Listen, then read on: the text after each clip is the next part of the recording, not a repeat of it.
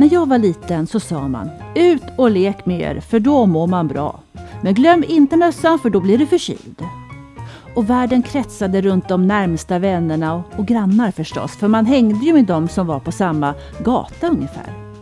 Och så till knäckebröd och morötter för vi skulle få starka tänder. Och så vaccinerades vi mot barnsjukdomar. Ja, så var det bra med den saken. När min mamma var liten, ja då lyssnade de på radio, de var rädda om det de hade, de var ute och lekte för det mådde man bra av och så var det stränga vintrar. Snön verkade då inte vara en bristvara och aldrig hade nog gemene man tänkt tanken att snön skulle kunna försvinna. Och nu, särskilt idag, så pratas det om att skiathlon kan tänkas tas bort som OS-sport just för att det i princip alltid är för lite snö. Så jag tänker så här. Vad är det vi behöver förhålla oss till idag som våra föräldrar eller tidigare generationer inte behövde förhålla sig till i samma utsträckning? Ja, som stress och konstant yttre stimuli eller att sitta still ska vara skadligt för hälsan. Och, mm, alltså, vad är det som har smugit sig på som det nya normala för oss idag? Ja, varmt välkomna till Mind My Business, podden om välmående och balans i vardagen.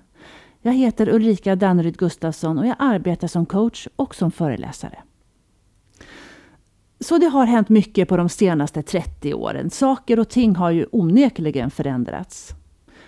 Och jag kan tycka att livet på så många sätt var enklare förr utifrån det vardagliga må braandet. För så tänker man ju ofta när man tittar tillbaka i backspegeln. Och kommer våra barn att säga samma sak månne? Tänk vad mycket lättare det var i början på 2000-talet när vi var små. Ja, så idag så pratar vi om vår livsstil. Vår livsstil som är en viktig faktor för välmående, rakt igenom. Vårt sätt att leva, hur vi lever, vilka attityder och värderingar vi har och vårt sociala nätverk och att livsstilen är viktigare för vår hälsa än påverkan av våra gener. Alltså att livsstilen är viktigare för vårt genetiska arv, hur det yttrar sig snarare. Och vad är din livsstil? Hur ser vi på vårt eget välmående och vår livsstil? Vad är din egen definition av det? För ibland låter det som om livsstil och välmående inte rimmar väl med hur vi lever i vårt samhälle idag. Och då finns det en risk, tänker jag, att livsstil och välmående bara blir en ouppnåelig utopi. Vi mår bra av en mängd olika saker, olika från varandra. Och vad har du för livsstil och varför då? Men visst är det lite spännande att reflektera över. Mina föräldrar skulle känna mer igen sig i jobba hårt, ät mat och potatis och tvätta dig bakom öronen. Ja, och såklart ordning och reda. Än vad de skulle känna igen sig i ordet självförverkligande. Jag tänker att de hade sett ut som frågetecken. Och om jag hade kunnat fråga min farfar om det så hade han säkert sagt någonting i form av att vad då känna efter, följa sin längtan, säger du, hitta sin sanning. Vem har tid med sådana fånerier när det behövs arbetas? Ja, så hade han säkert sagt med ett självklart ansiktsuttryck, tror jag. Så vad är det vi mer förhåller oss till idag? Vad är det som har smugit sig på som det nya normala för oss idag? Ja, som sagt, en sak är ju stress. Och stress har ju alltid funnits och upplevts i olika former. Och inte så som vi gör idag. En gång i tiden handlade stress om att vara jagad på savannen och att vara uppmärksam på att inte bli uppäten, att kunna fly. Med andra ord så var stress klart livsnödvändigt. Idag handlar stress om, för många, alla val vi behöver göra, att prestera tillräckligt, att vara tillräcklig, att ha tillräckligt, att inte välja fel, och stress om att lyckas med just sitt självförverkligande. Ja, så våra omständigheter har förändrats, men i hjärnan har inte mycket förändrats när det kommer till vad det är som händer i oss när vi upplever stress. Men det som har förändrats, det är längden och tiden som vi upplever att vi befinner oss i stress. Och när vi stressar allt för mycket i vår vardag så får det konsekvenser och det vet vi alla. WHO, the World Health Organization, har ju gått ut med att ångest och depression kommer att vara det största hälsoproblemet år 2020. Och vi arbetar ju med vår stress idag på alla möjliga sätt. Vi jobbar med yoga och mindfulness och att meditera och träna och äta rätt och personlig utveckling. Personlig utveckling är ju inte ett låneord på något sätt, men det hade behövts många ord för att förklara det för min farfar. Men vet du sjutton om min farmor inte hade fattat det på en gång, för hon var en cool katt som tidigt var ute och reste själv i Europa och stod på egna ben för att få ta egna beslut. Mycket i vårt samhälle idag definieras av höga krav och just lite beslutsutrymme. Inte en särskilt bra kombination för välmående i vardagen, eller hur? Och höga krav och lite beslutsutrymme behöver ju inte bara upplevas i arbetslivet. Det kan ju lika gärna vara på hemmafronten vi känner så i privatlivet. Och möjlighet att få ta egna beslut ökar vårt välbefinnande. Ja, men det bekräftar ju forskningen. Och det bekräftade även min mormor. Hon längtade efter att slippa be morfar om pengar. Och när min mamma och hennes syskon började bli lite större så tog hon till syvende och sist ett jobb på Åsele sjukstuga. Det var viktigt för henne att ha en egen ekonomi att styra över, sina egna pengar. Och min mamma berättar att när hon och mormor gick in på Åsele konditori efter en promenad och så fick min mamma köpa godis. Bara sådär. Och mormor, ja hon betalade med sina pengar. Det var lycka i det lilla, men så viktigt i det stora. Och min mamma pratar om det än idag. Och vi vet alla ja, men vikten av att få ta egna beslut och vikten av att vilja ta egna beslut och ta ansvar för sina beslut. Och i en värld idag där vi pratar allt mer om eget ansvar så kan ju det göra att man känner sig bakbunden. Ni vet, att man tycker att det är samhällets fel eller det är politikernas fel eller det är mammans fel eller pappans fel eller partners fel att jag... Och det är svårt att stå upp för vad det är egentligen är man behöver i en tuff arbetskultur. Och det är svårt att stå upp för vad man behöver och vad man önskar i sin relation. Alltså, det är svårt att stå upp för vad man egentligen behöver om man inte har övat på det. Och Jag tror också att det där med eget ansvar som begrepp kan vara rätt luddigt. Vad då eget ansvar? Är allt mitt fel? För mig betyder eget ansvar att ta ansvar för sina känslor, tankar och handlingar. Alltså, vi kan inte förändra andra, vi kan bara förändra oss själva. Och vi lever inte i en värld med tankeläsare, även om vi önskar så. Vi behöver själva våga uttrycka och kommunicera vad det är vi behöver för att må bra och fungera som allra bäst. Eget ansvar är att acceptera vad man känner och att jag accepterar det jag känner. Min mamma och pappa växte absolut upp med vikten av att känna och ta ansvar för hur andra har det och hur andra mår. Att andra har det bekvämt och att andra inte tycker att situationen känns jobbig. Och ser vi därmed alla våra känselspröt utåtriktade. Många av oss är uppfostrade till det. Och det är såklart fint att vilja att andra ska må bra, men drar det lite för långt så kan resultatet bli att det är svårt att ta ansvar för sig själv och sina egna känslor och behov och ansvar för hur vi lever våra liv. För till slut så ser vi inte våra egna behov. Vi känner något inom oss men vi kan inte sätta ord på det. Och när vi själva inte ser våra behov, men våra känslor antyder att det finns något som inte stämmer, ja då är det så otroligt vanligt och lätt att börja peka finger. Att ta ansvar för sig själv handlar ju till syvende och sist om att kommunicera sitt behov till andra. Och jag pratade med min dotter häromdagen om just det. Och då sa hon att det känns lite stelt att säga vad det är man behöver. För då gör andra saker för en bara för att man har bett om det och inte för att de vill göra det och då känns det inte riktigt sant.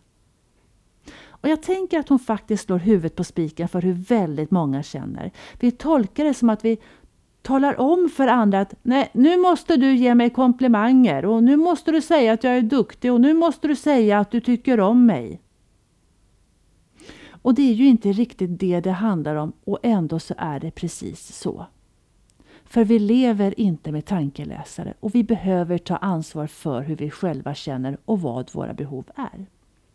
då finns det någonting som heter Non-Violet communication och som är ett sätt att kunna kommunicera sina behov på i en situation där det inte känns så lätt att göra. Och De fyra stegen är 1. Konkret observation 2. Känsla 3. Behov och 4. Önskemål. Så nummer ett, en konkret observation. När du börjar titta i mobilen när jag pratar med dig. Så. 2. Känsla. Blir jag ledsen för jag upplever att jag inte når fram till dig? 3. Behov. Jag behöver få veta att du hör vad jag säger. Och nummer 4. Önskemål. Därför vill jag be dig om att lägga ifrån dig mobilen och nicka och visa att du lyssnar till vad jag har att berätta. Kan du göra det för mig? Ja, jag anar att det här kan låta pretentiöst och klämkäckt när det är uppstyltat på det här sättet, men tro mig. När du har ett känsligt ämne att ta upp som mycket väl kan leda till en diskussion, då fungerar det väldigt bra. Och vet ni varför? Jo, för att vi inte pekar finger.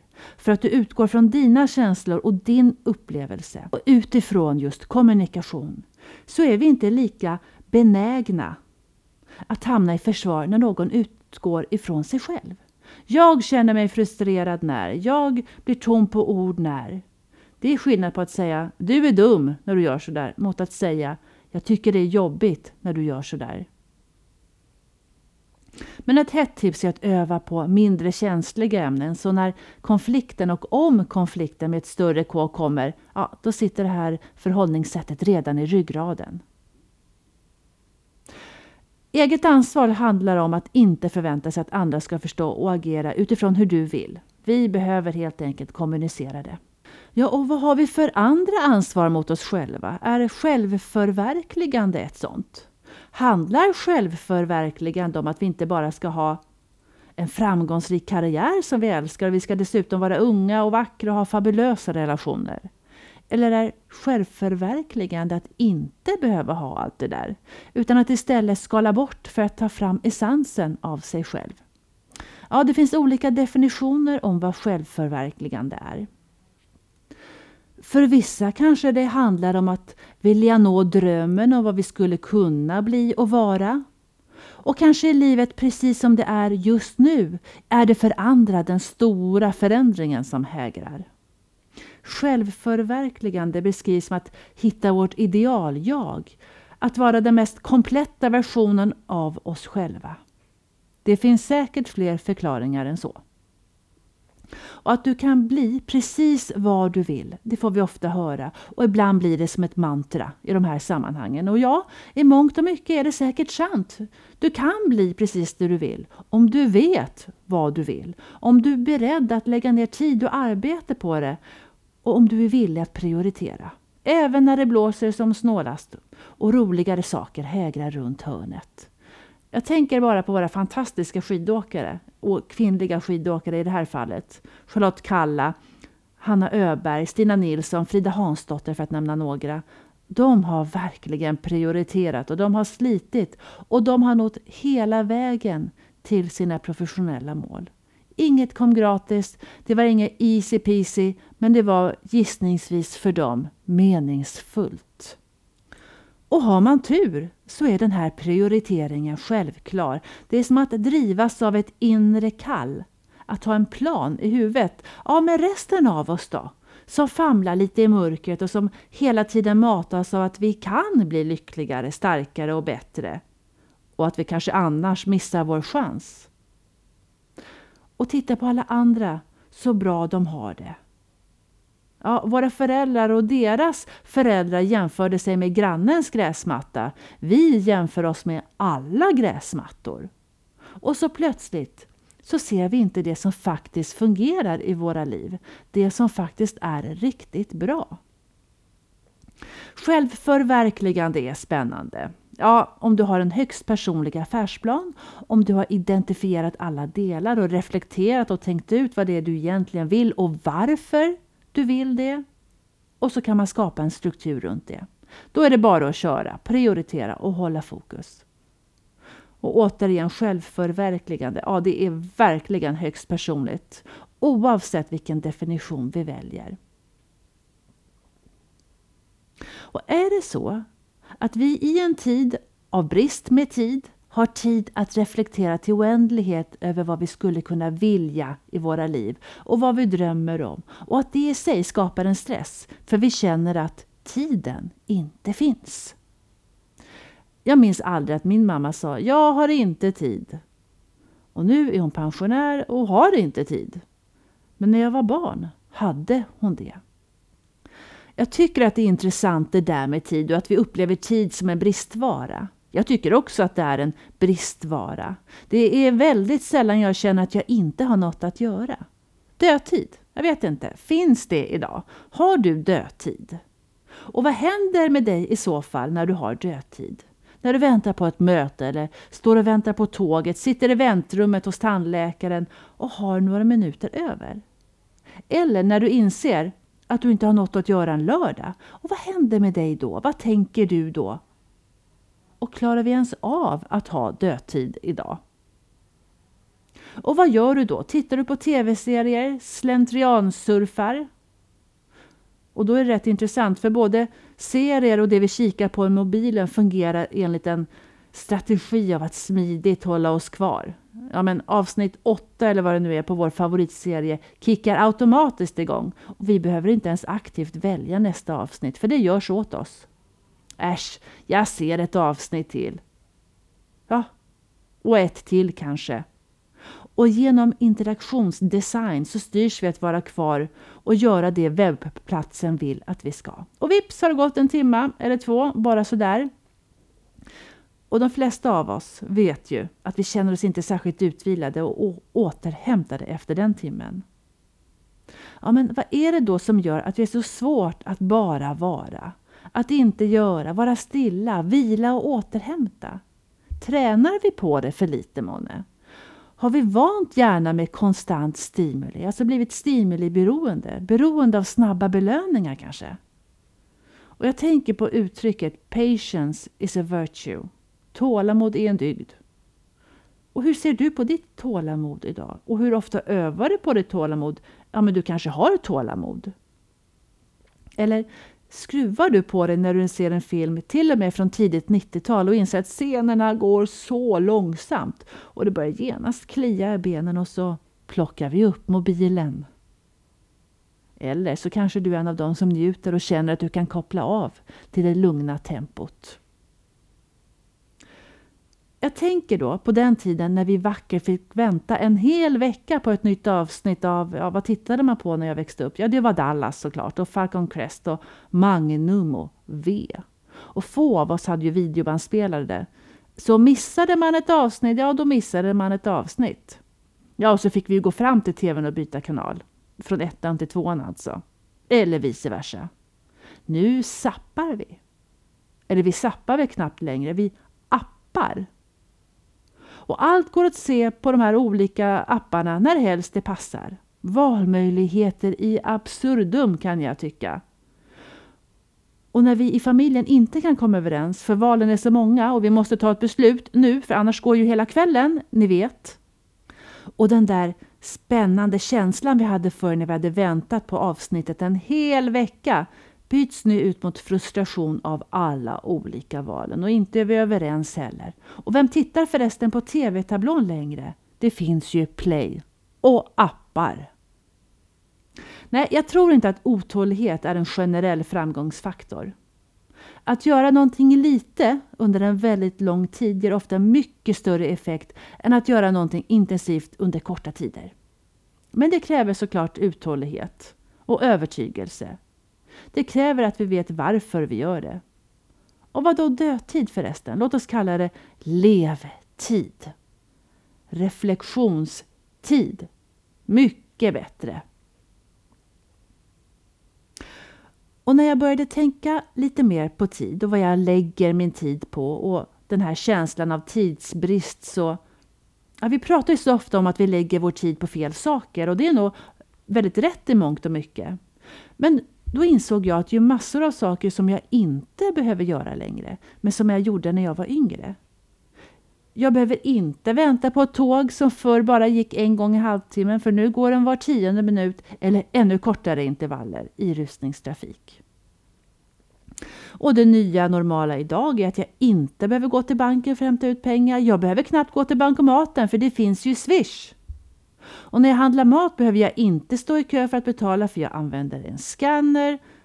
För att inte prata om matkassarna som levereras hela vägen hem till dörren. Och vi köper och säljer på nätet. Och det om något är väl det nya normala. Tänk om vi skulle förklara det för våra mor och farföräldrar. Ja, alltså vi kopplar upp oss mot cyberspace och så gör vi vår beställning på en platt tv-skrivmaskin och betalar med något som ser ut som en kortläckskort. Inget konstigt alls. Vad en tv är? Ja, alltså en radio, men man ser den som pratar. Det nya normala ni. Och vad mer behöver jag inte göra idag? Nej, jag behöver inte vänta i telefonkön. Jag ska boka tid hos, ja var det nu är, för det gör jag på nätet. Och förresten, ibland hamnar man ju i telefonkö trots allt. Och så tänker jag, åh vilket slöseri med tid. Men så har jag ju hörsnäcka till telefonen så då kan jag ju passa på att surfa på nätet. På nätet. Vi gör det på nätet. Lägger vår tid. Och vi surfar och vi kommunicerar och vi längtar och vi letar. Och pling, en notis från Instagram eller Facebook eller andra appar, säger våra ungdomar. Eller pling, en notis till och hjärtan tänker, upp, en möjlig belöning. Ja, och så fortsätter vi surfa. Och, säger forskningsingenjören Irene Perini som forskar på hur sociala medier påverkar hjärnan och framförallt på ungdomar. Hon säger att när vi till exempel skriver någonting fiffigt, om vi lyckas med det, tillsammans med en bild på sociala medier och sen inväntar responsen, så aktiveras något i hjärnan som kallas för the salience network.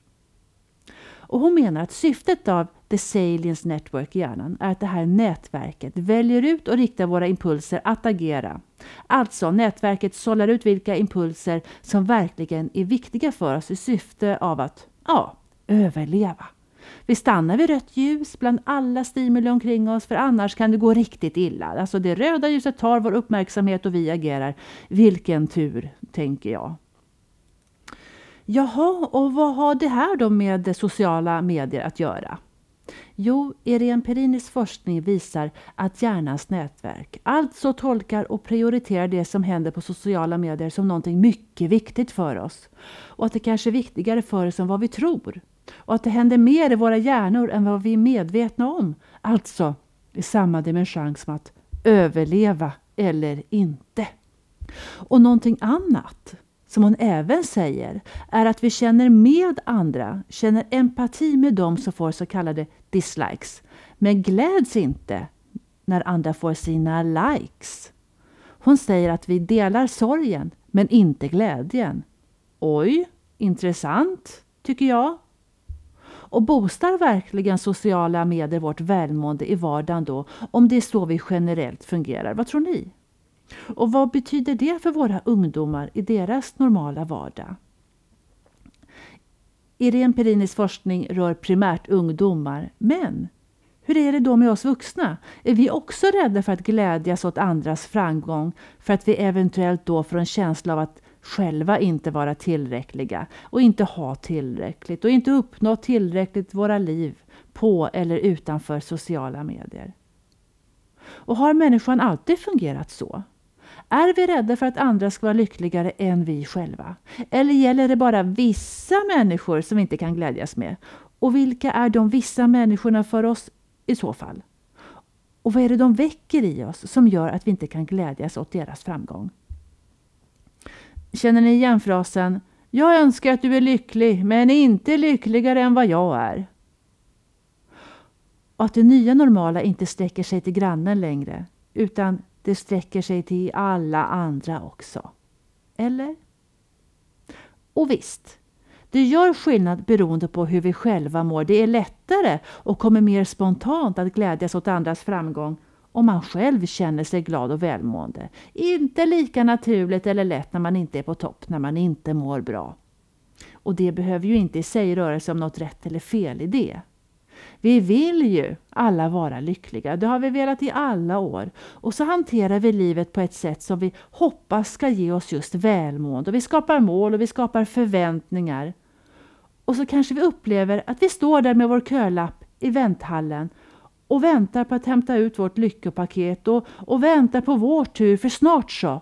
Den som väntar på något gott och glaset är halvfullt, glaset är halvfullt. Ja, och så finns det de som inte behöver en kölapp eller än värre som struntar i kölappen och bara går raka vägen fram till disken och kvitterar ut sitt lyckopaket. Och hur känns det? Här står ju jag i kö och jag har jobbat hårt för att behålla min plats i kön. Vi vet inte varför de inte behövde en nummerlapp eller varför de inte tog en nummerlapp. Men det kan inte vara rätt. Och är det inte rätt så är det fel och det är inte mitt fel så det måste vara den andras fel. Och så har vi, om det vill sig illa, hunnit skapa en negativ spiral. Och då blir det svårt att glädjas åt det fina paketet som personen i fråga kvitterar ut, som bergis var gratis också. Och när någonting känns orättvist, ja, då reagerar reptilhjärnan, den gamla delen i hjärnan, och talar snabbt om för oss att det där är orättvist och så agerar vi därefter innan förnuftet hinner ikapp. Vi blir så att säga kapade av vår egen känsla av orättvisa. Är du tillräckligt medveten om hur du fungerar så hinner du med större sannolikhet hämta hem dig själv innan dina projektioner kommit för långt. Innan du känslokapar dig själv för hårt. För det är du som äger dina känslor. Det handlar om dig, inte den andra, så ta tillbaka kraften. Och nästa gång när du får en snabb känsla av att inte vilja glädjas åt andras framgång, tänk så här. Förmågan att glädjas åt andra speglar och stärker din förmåga att glädjas med dig själv. Så var lite ego, gläds åt andras framgång. Jag är rätt säker på att vi ger oss själva en vitamininjektion och vi kan känna mer glädje med andra. Tror ni inte det? Något annat som jag inte tror att mina föräldrar pratade med sina föräldrar över söndagsmiddagen om, det var fysisk aktivitet. Inte som vi pratar om det idag. Möjligtvis pratade de om att barn, ut och lek med er. Att gå eller cykla till diverse aktiviteter och lekkamrater, ja, det var ju redan så man gjorde. Det var en helt naturlig del av vardagen om man var barn då. Och alla vill vi ju se att våra barn ska vara ute och leka. Och jag och min man Johan, vi åt lunch häromdagen med en av hans indiska affärskollegor. Och han pratade såklart också passionerat om att han fick jobba på att få ut sina barn för att leka. För att de inte skulle fastna i sin padda eller tabbe och allt vad det nu heter. För barn ska ju vara ute och röra på sig. Vi vet att barn mår bra av att röra på sig.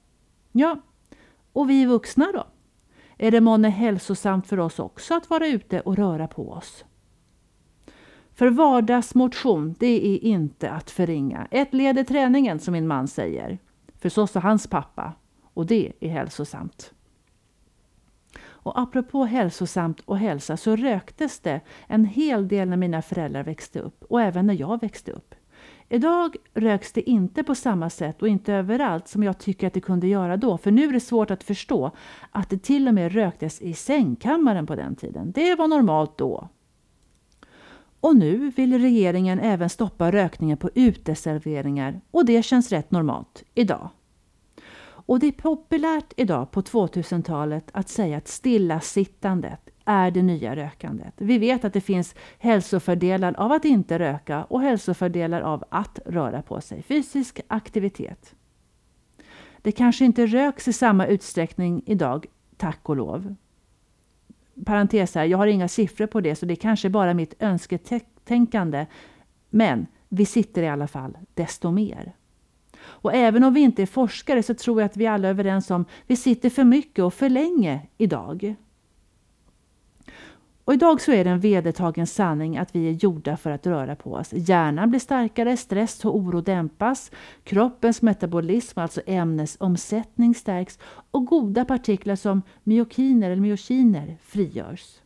Och det är proteiner som föreslås ha en viktig roll när det gäller kontroll av lagring av fett kring de inre organen. Vi håller oss alltså fettfriare även på insidan om vi rör på oss. Och sitter vi stilla för länge så minskar blodcirkulationen i kroppen och huden som ju är elastisk behöver också få arbete. Och ryggen. Och hjärnan och ryggmärgen utgör tillsammans det centrala nervsystemet ett otroligt kommunikationscentra som också behöver rörelse för att fungera optimalt. Och när vi sitter ner så lägger vi dessutom onaturligt tryck på ryggraden och all muskulatur runt omkring vilket i sin tur gör att lungorna begränsas i sitt utrymme. Och Det gör i sin tur att vi inte tar upp lika mycket syre som sen filtreras ut i blodet. Och när vi sitter så kan ju inte blodet heller cirkulera lika ansträngningslöst. Ja, det låter ju logiskt, så hörni, blodcirkulation i hjärnan, smartare tankar. Om inget annat borde vara motivation nog för att röra sig så säg.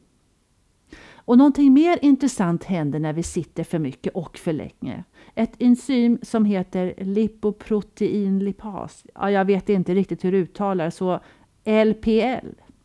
Ett enzym som tar hand om förbränningen av blodfetter fungerar inte heller lika effektivt när vi sitter ner. Och det kan i förlängningen och på sikt leda till för höga blodfetter som i sin tur kan leda till hjärt och kärlsjukdomar.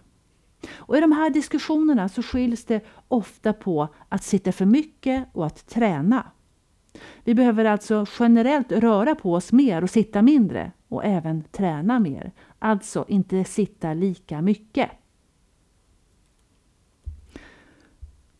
Så hur mycket behöver vi då röra på oss för att ta del av de här fördelarna? Ja, finns det ett enkelt svar månne? I så fall torde svaret vara regelbundet. Och när det gäller träning eller motion så faller en gång i månaden inte under begreppet regelbundet. Vi ska röra på oss så ofta och så mycket vi kan under hela dagen helt enkelt. Lägg till träning någon gång i veckan så ja, då ger vi oss själva en hälsofördel. Med andra ord, så upp och rör på oss. Typ regelbundet. Ja, regelbundet. Att göra saker regelbundet verkar i mångt och mycket vara ett succérecept. Träna regelbundet, umgås regelbundet med vänner, sova regelbundet. Regelbundet, som i en rytm, som i den cirkadiska rytmen. Och äta regelbundet. Hos mina föräldrar när de växte upp, då åt man regelbundet, för så var det. Det var frukost och inte senare än klockan åtta på helger. Gärna förmiddagsfika vid halv elva, lunch mitt på dagen, eftermiddagsfika, middag och därtill kvällsfika. För så var det. Och om det inte var så, då var någonting riktigt galet. Som barn tog mamma med sig mjölkkannan till affären för att få den påfylld. Hon hade alltid en matpåse med sig i tyg eller en korg. Jag har några gamla mjölkkannor kvar nere på landet som fungerar som prydnad och mysinslag idag. Och som sagt, plastpåsar fanns inte när mina föräldrar var små. Visst låter det bra? Och är det åt det hållet vi är på väg månne? Mjölkkannor? Eller fastnar det? För att vi inte kommer vilja ta med oss mjölkkannan på bussen eller på tunnelbanan på väg till jobbet som vi annars skulle kunna få påfyllda på vägen hem? Eller är vi beredda att ändra våra vanor nu? För hållbarhetens skull? Ja, för vår skull. Så att det blir det nya normala att hämta hem mjölk i en kanna. Jag lovar, tanken ligger garanterat redan där ute. Hållbarhet. Det gäller ju som sagt även oss själva. Att vi ska hålla och att hälsan ska hålla. Ja, hållbarhet. Helt enkelt som det nya normala. Och med det så tackar jag och det varmaste för att ni har lyssnat idag. Men det finns mer att säga om det nya normala. Jag säger bara cocktaileffekten, prebiotika och probiotika och vårt inre ekosystem och överkonsumtion och ja just det, hållbart. Det pratar jag om i nästa avsnitt så varmt välkomna att lyssna då. Och tills dess, ha det så bra. Hej!